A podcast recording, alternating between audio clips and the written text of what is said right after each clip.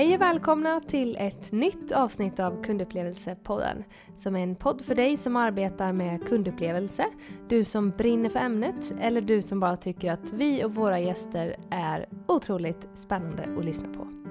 Mitt namn är Elin Öster och är en av grundarna till Experience Management-byrån Danji i Lund. I följande avsnitt fick jag lyckan att gästas av två personer Per Kristensson, professor i psykologi vid Centrum för tjänsteforskning på Karlstad universitet och Claes Hallberg, föreläsare, författare och husfilosof. De har tillsammans skrivit boken I kundens skor och historien bakom den låter jag Per och Claes berätta själva. Varmt välkomna!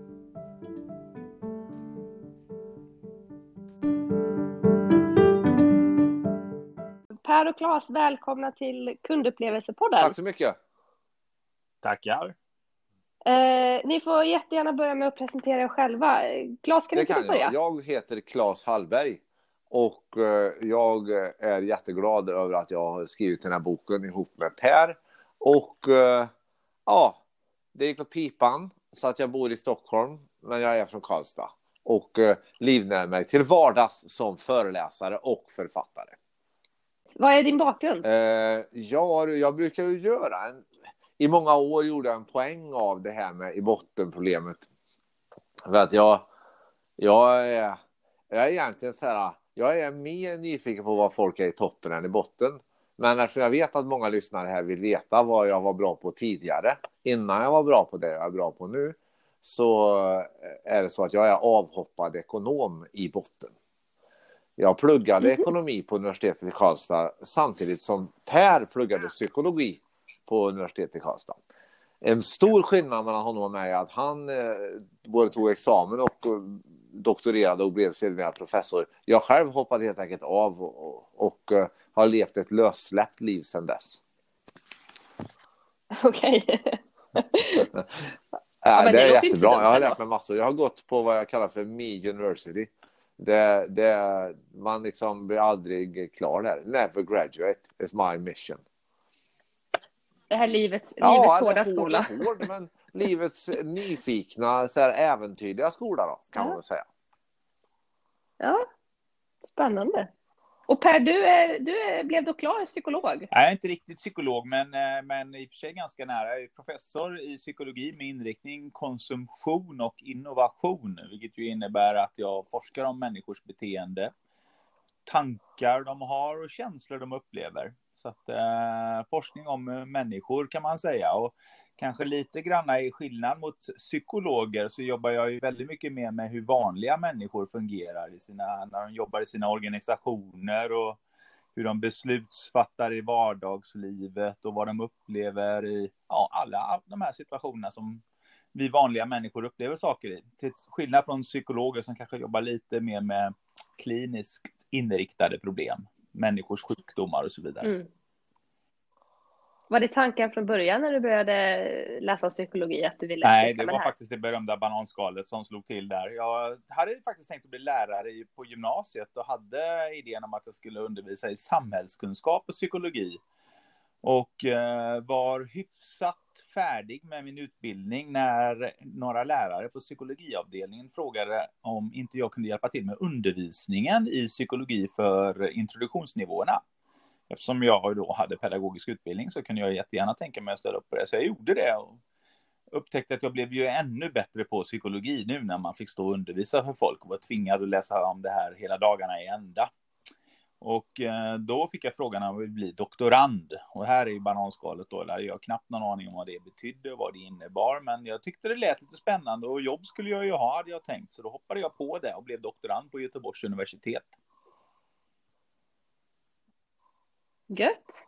Och sen, eh, och ni eh, fortsätter fortsatte hålla kontakten då? För ni träffades i... Ja, man, man kan säga att ursprunget, eh, vi, vi har haft kontakten eh, sporadiskt under, under alla år då och då. Det- Man får energi av vissa människor. Eh, och eh, sen så har jag haft förmånen då att eh, bli inviterad till en del akademiska högtider eh, i, vid Karlstads universitet i form av att jag har varit någon form av populär alumn. och, eh, men då var det vid ett tillfälle här när jag, när jag hade ruttnat på alla dessa kundundersökningar som görs eh, eh, ständigt och jämt och med, med väldigt så här, ibland tycker jag tveksamt. Alltså, jag först begrep inte varför frågar de mig sådana här frågor. Alltså, det, skulle du kunna tänka dig att en väldigt regnig dag när du är helt desperat rekommenderar någon av dina vänner att på något sätt konsumera den här tjänsten? Den typen av formuleringar tänkte jag, det är klart det blir ja. Det fattar du väl liksom. Så, ja, och jag ruttnar även på de här äh, robotrösten vet, som är när man har suttit i telefonkö på banken i 35 minuter och sen fått hjälp av någon eller inte hjälp och sen lägger på och så ringer robotrösten upp och vill ställa tre frågor. Och så tänkte jag, vem svarar på det här och vad, vad ger det för värde? Så då, så vet desperat försök att begripa min samtid så, så, så vrät jag ur mig detta till professorn. Jag tänkte han har nog ett bra svar på varför så många organisationer, trots att det verkar så uppenbart dumt i huvudet, att de lägger ner så otroligt mycket pengar och energi på att ta fram låtsaskunskap hos sina kunder, då har säkert professorn sätt att förklara varför det här ändå är rationellt. Och till min stora förvåning då så sa han så här, nej ur mitt perspektiv så finns det ingen forskning överhuvudtaget som tyder på att det där är en bra idé. Och då skälvde marken under mina fötter och så tänkte jag, detta måste utredas. Så gick det till kan man säga när vi började eh, ta våra första stapplande steg eh, i det som blev den här boken. Men det är ju ett lysande exempel på den här nyfikenheten, eh, sätter ja, fart på saker. Ja, nyfikenheten sätter fart på den. Och, och det som också tror jag är, är, är alltså någonstans, eh, apropå om den utlösande faktorn var att jag ruttnade på alla kundundersökningar, så är det ju så att, att det Per påminde mig om då var ju att den goda intentionen bakom alla kundundersökningar är ju att man faktiskt vill ha reda på vad kunderna tänker och tycker och, och eh, och sådär va. Och, så att det, det finns ju en god intention genom, bakom det som har gjorts. Sen har den liksom kanat på ett annat typ av bananskal och, och det har blivit vad jag själv i boken kallar för eh, lite grann av ett statistikmonster ibland. Som, alltså, vad ska vi ha all den här kunskapen till? Jo, vi ska mata statistikmonstret, för vi måste veta om vi kommer upp till 0,72 istället för 0,71. För då får vi bonus. Ja, mm. eh, för att tala i gåtor. Vad säger du Per? Känner du igen dig i min beskrivning av hur det började? Ja, men jag tycker det, ja, ja, självklart gör jag det. Det är jättebra beskrivet. Och det är väl kanske viktigt här att eh, påpeka att eh, forskningen har faktiskt hängt med under hela den här tiden och gjort en mängd olika nedslag. Vi har ju återgått till några av de här mer, tycker jag, användbara eh, forskningsteorierna eller artiklarna och dammat av dem lite grann och fört in dem i vår bok där och pekat på att det är kanske så här man bör tänka. En sån här metod är ju kritiska händelsemetoden som vi tycker det är för lite använd idag. Och sen så pekar vi ju precis som Claes säger att eh, hallå där, samla inte in all den här datan om kundtillfredsställelse eller lojalitet som ju Claes var inne på där med sin Net Promoter Score-liknelse i början. Eh, mm. Om ni inte kan använda den. Och här finns det ju ganska många intressanta forskningsrapporter som visar att företag är duktiga på att samla in datan, men betydligt sämre på att agera på den. Ja, för jag tänker det man vill, det man vill åt, det är ju precis som titeln på er bok, att, att ha förmågan att sätta sig i någon annans skor, det vill säga att ta någon annan människas perspektiv. Men vad krävs för att man ska kunna göra det? Vilka förutsättningar behöver man? Jag tycker att det som krävs, det är väl lite grann alltså det som vi var inne på tidigare här, en genuin nyfikenhet av vad är det egentligen som får människor att vända sig till oss, till vår organisation och kanske köpa eller ibland då använda våra varor och våra tjänster. Vad är det som gör att de ser att det här är en viktig del i, i, i deras liv? Är det att de försöker nå något mål eller försöker de komma över något hinder eller får det de bara att må bra och bli, min eller, och bli mindre stressade? Eller är det så att de sparar pengar när de vänder sig till oss? Eller vad är det egentligen som händer där? Den typen av nyfikenhet, det är ju en väldigt bra drivkraft för en organisation. Och den typen av vilja att sätta sin fot i kundens skor, den uppmuntrar ju jag och Claes i vår bok. Ja, det blir ju väldigt svårt om man bara får att 70 procent av kunderna är en fyra nöjda. Det blir ju det och det beror ju säkert på att företagen har, då Claes var ju inne på det här lite grann mellan raderna där förut och sa att det finns ju idag mått och indikatorer som gör att människor kanske i en organisation måste samla in en viss typ av data och ska nå ett visst typ av mål.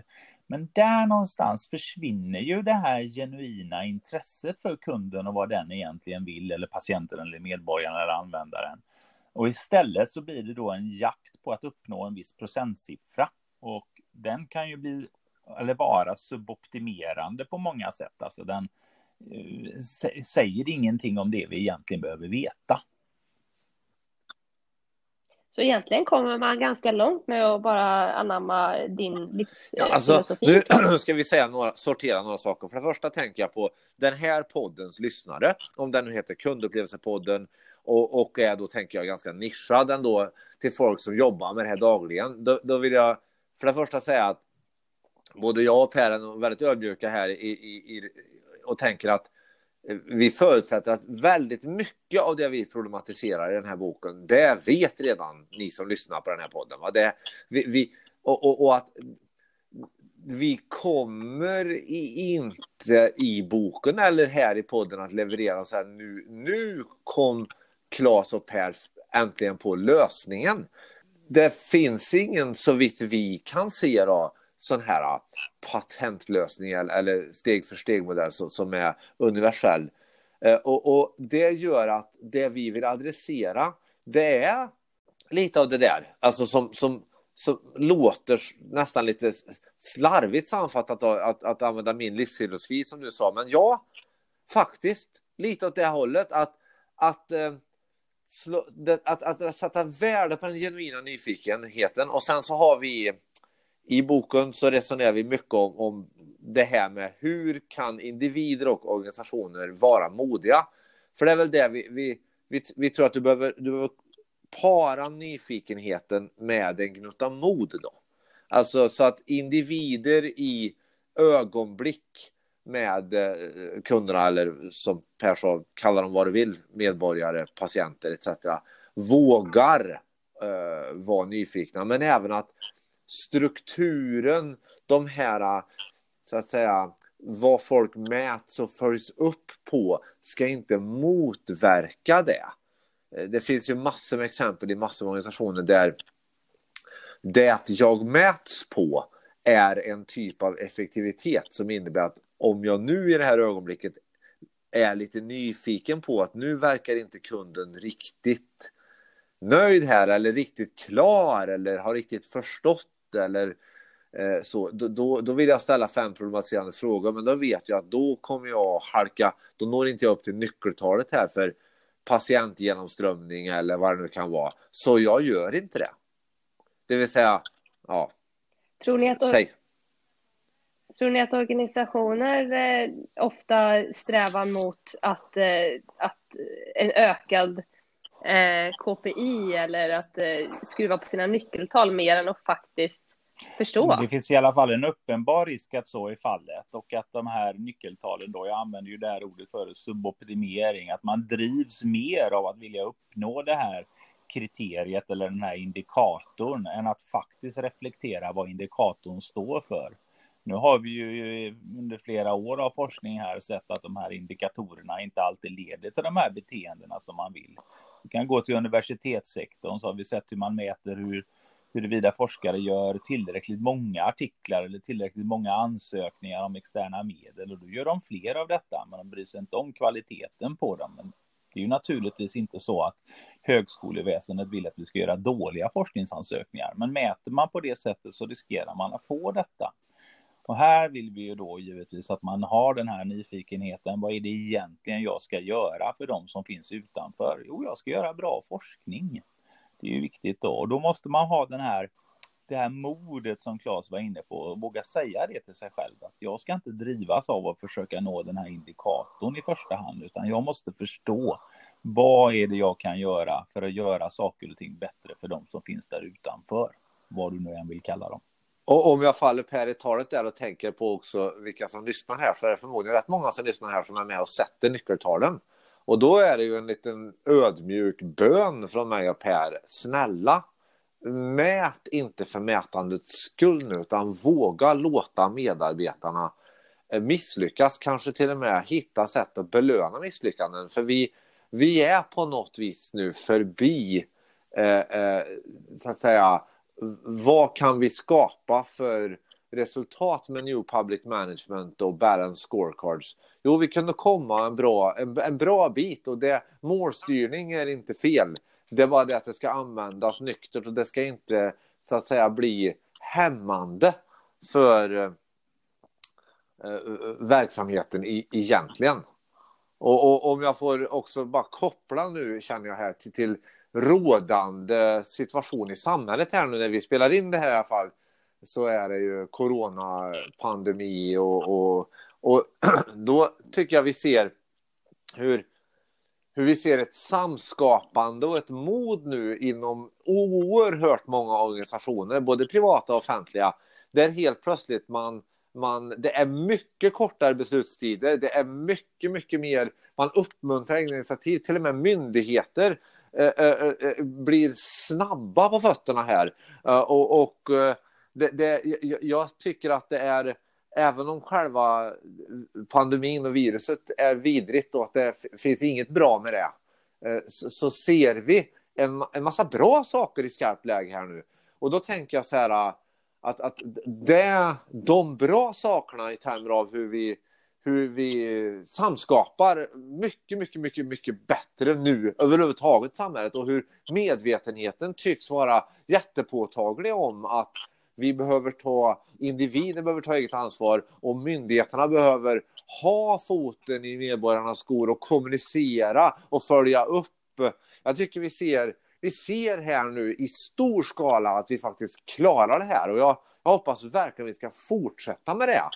Eh, eh, när, vi, när vi sen peppar peppar inte har ett virushot hängande över oss så ska vi ändå fortsätta samskapa och riva barriärer och och, och skapa verkliga värden istället för en massa nyckeltal som vi sätter som troféer i permar. Om jag då får falla Klas i talet mm. där och fortsätta på det här så är det ju precis så i vår bok här att vi talar om de här eh, aspekterna eller processerna som Klas är inne på där. Vi pratar om samskapandet just då. Hur det är en central ingrediens i att förstå sina kunder och få sina kunder att eh, realisera de värden som de själva faktiskt är intresserade utav. Så boken behandlar en hel del av de här eh, processerna som är viktiga egentligen för att en kund ska nå dit den vill.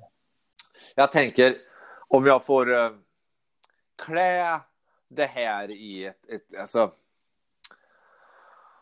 vad, vad, vi vad vi är ute efter, väldigt, men när man liksom trattar ner då, så, så är det ju så att vi, vi är ute efter att bekräfta ett förhållningssätt snarare än att ge eh, en, en specifik metod eller, eller speciella processer själva.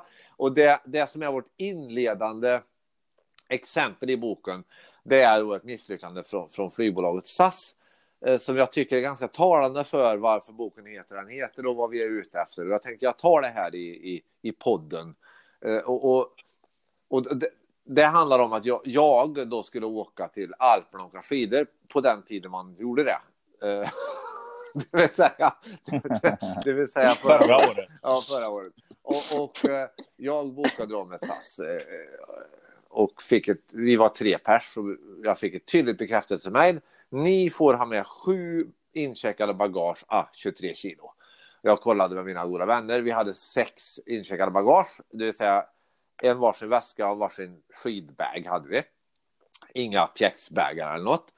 Eh, och så sen så var det en annan vän till mig som berättade några dagar innan resan bara herregud, har ni, ska ni, SAS, ja, även om du ska checka in skidorna och skidpaketet är ett bagage så är det inte ett incheckat skidbagage, ett incheckat bagage enligt SAS definitionssystem, utan det är så kallat specialbagage.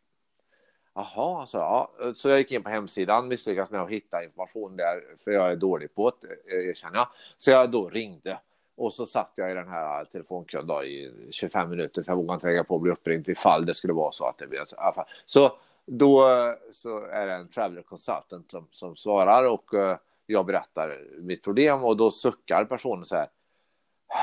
Och det är ju en sån detalj. Alltså, suck, su, su, framgången med att sucka kunderna gör att den är, är svårt att se. Men, men jag var ändå motiverad. Och så frågade jag om personen kunde hjälpa mig. För han, han sa att jag skulle ansöka nämligen om det här och ville jag skulle göra på hemsidan. Och jag sa, kan du hjälpa mig att ansöka? Ja, sa han.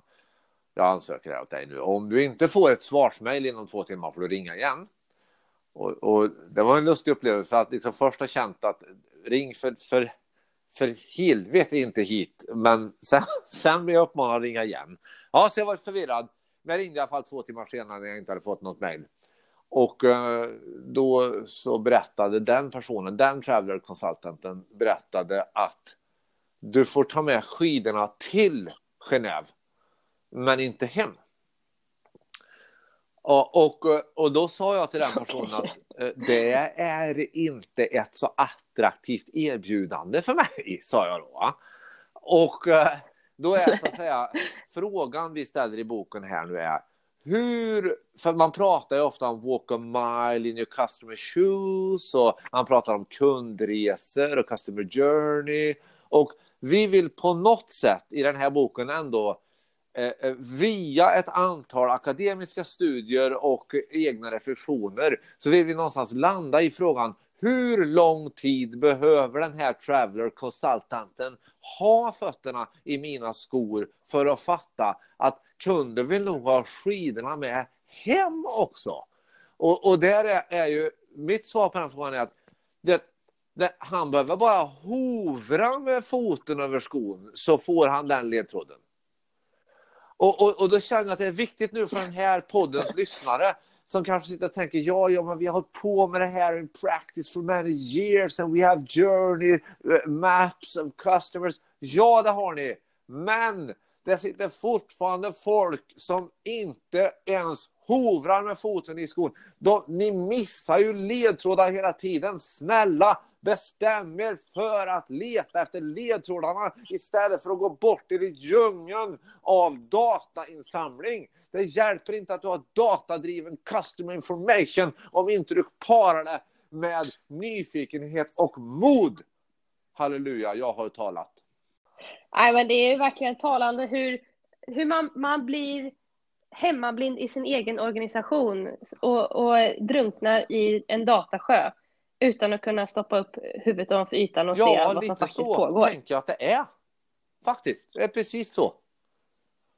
Och, och därför är det ja. den datadrivna möjligheten till eh, insikter om kunden via datadriven eh, eh, eh så att säga, uppgiftsinsamling är ju oerhörd. Fast samma förhållningssätt som alltid har hjälpt gäller ändå, det vill säga vi måste orka eh, eh, vara nyfikna på riktigt när vi tittar på all den här, i den här datasjön.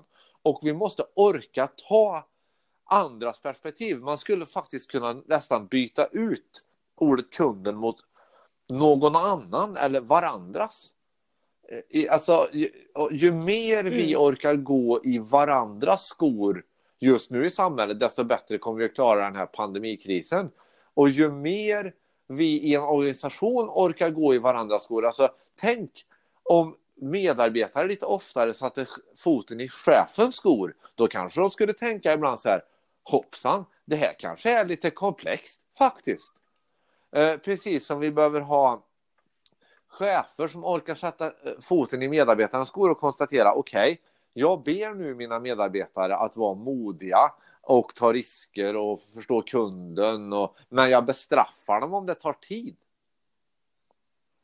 Det vill säga, vi måste orka där mm. vi är i vår verksamhet att ta fler perspektiv på det vi gör. Och, och, och det, det, jag hade hoppats att Per skulle komma med något sådär professorns golden rule, three, three steps of courage in an organization. Men han har ingen golden rule. He's a very disappointing professor. He says you have to be curious from within actually. Men någonting kopplat till just psykologi där som, som jag tycker är himla intressant, det är eh, magkänslan som är så otroligt viktig för oss människor i alla andra sammanhang. Eh, och också det som gör att vi, vi har förmågan att sätta oss själva i någon annans skor. Att vi inte litar mer på den. Den är smart, det är det smartaste jag, vi har. Och, eh, vi pekar på några sådana här smarta psykologiska processer i vår bok också. Eh, till exempel pratar vi om inre drivkrafter, vad viktigt det är. Det ligger ju väldigt nära till hands att tänka sig att de här inre drivkrafterna är den här nyfikenheten och så vidare. Här finns det ju massor av spännande forskning faktiskt som vi tar upp i boken och pekar på hur man kan använda resonera med sig själv i sin organisation, vare sig man är ledare eller jobbar ute mot en kund. För att man faktiskt har den här drivkraften mot den som finns utanför organisationen, den som behöver oss, snarare än drivkrafter då som handlar om att man ska försöka förstå eh, ett visst mått eller samla in en viss data för att någon annan har krävt eller följa någon typ av byråkratisk regel som en gång i tiden kom till av en väldigt god anledning men nu fortfarande lever kvar som ett hinder för att organisationen ska kunna göra det som organisationen gör eller behöver göra. Jag tänker att det kan ju varit någonting sådant här som stoppade SAS då, som Claes nämnde i sitt exempel. Det var en person som följde rutinerna plikttrognast istället för att gå till sig själv. Varför sitter jag här i den här situationen? Vad är det jag gör här nu i det här läget? Vem är det jag är till för? Aha, här ringer det en person till mig som vill ha hjälp. Men om man då snarare går på de doktriner som finns internt än att ha den här naturliga drivkraften att vilja hjälpa någon där utanför, då kommer man hamna i problem liknande de som vi tar upp i boken och som Claes nu har pratat om. Jag kan ställa en sista fråga här. Var hittar man er bok mm. om man vill läsa den? För det vill man ju såklart. Eh, och vad kommer man lära sig? Som, vad kommer ens största takeaway ja, vara? Då svarar jag på första frågan. Var hittar man vår bok? Och uh, den hittar man då där böcker säljs uh, i fysisk bokhandel och nätbokhandel. Och uh, jag vill passa på ändå att lite stolt säga att vi har vi har fört en kamp här. Vi, vi gör ett bokbranschbanbrytande experiment med den här boken som, som jag tror för lyssnarna till den här podden kan, kan vara relevant. Det är nämligen så att affärsmodellen i bokbranschen har sedan då Gutenberg drog igång för några hundra år sedan varit den att vi ska trycka dyra inbundna böcker och låsa in kunderna i det formatet, hämta hem pengarna medan vi håller de, de människorna som vill skapa värde med innehållet i boken men ha en lättare bok i handväskan eller, eh, eh, eh, eller i fickan, nämligen en pocketbok, de ska få vänta ett år. Och nu har vi då kämpat, vi har fått kämpa stenhårt. Eh, eh, men vi har övertygat det här modiga förlag, förlaget Volante att den affärsmodellen är förbi nu. Utan nu har vi gett ut, så boken finns både i inbunden version eh, till ett, någorlunda rimligt pris. Vi har fått ner priset så att den kostar runda slängar 200 kronor för den inbundna och då får man en schysst inbunden bok som inte väger jättemycket men som ändå är, är liksom så här, ger den goda bokkänslan. Och samtidigt finns den för typ 80 spänn eh, finns den i pocket eh, Eh, eh, för den som vill ha en lättare bok med, som är lite mindre text men ändå läsbart, mycket tydligt. Vi vet att våra läsare är över 45, eh, väldigt många av dem. Och, och, och, behöver ha inte mikrotext. Så den finns i flera format här. We're very proud of it. Samtidigt som den finns på ljudbok och e-bok från början. Uh, uh, jag, jag, lägger ut texten om detta för jag tycker det är intressant att vi sa det till förlaget, men om vi ska sätta foten i kundens skor kan vi inte låsa in dem i ett format som vi har bestämt att de ska eh, konsumera vår bok utifrån. Och det, det har suttit stenhårt åt. Det, det, det, det är jätteintressant. Så, så ja, vi är stolta över det här vill jag bara säga. Ja, i det här fallet i alla fall. Det förstår Ni gör som ni lär. Ska jag säga någonting om boken, vad man får då när man har läst den här boken, så är det ju naturligtvis det här förhållningssättet som vi har pratat om här.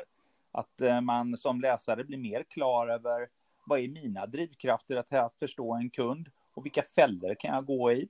Man kan dels läsa om eh, historier och reflektioner om fel som har begåtts och de historierna och reflektionerna kan bli verktyg som man kan använda i sin organisation och också om forskning som faktiskt ger en argument för hur man ska tänka i framtiden. Så allt det här får man i boken och det ska förhoppningsvis stärka läsaren att bli bättre i det här förhållningssättet mot att kunna skapa värde för sin kund i framtiden. Ja, Per och Claes, jag ser jätte, jättemycket fram emot att få läsa er bok och tack så hemskt mycket för tack att ni ville vara med i vara Kundupplevelsepodden. Tackar!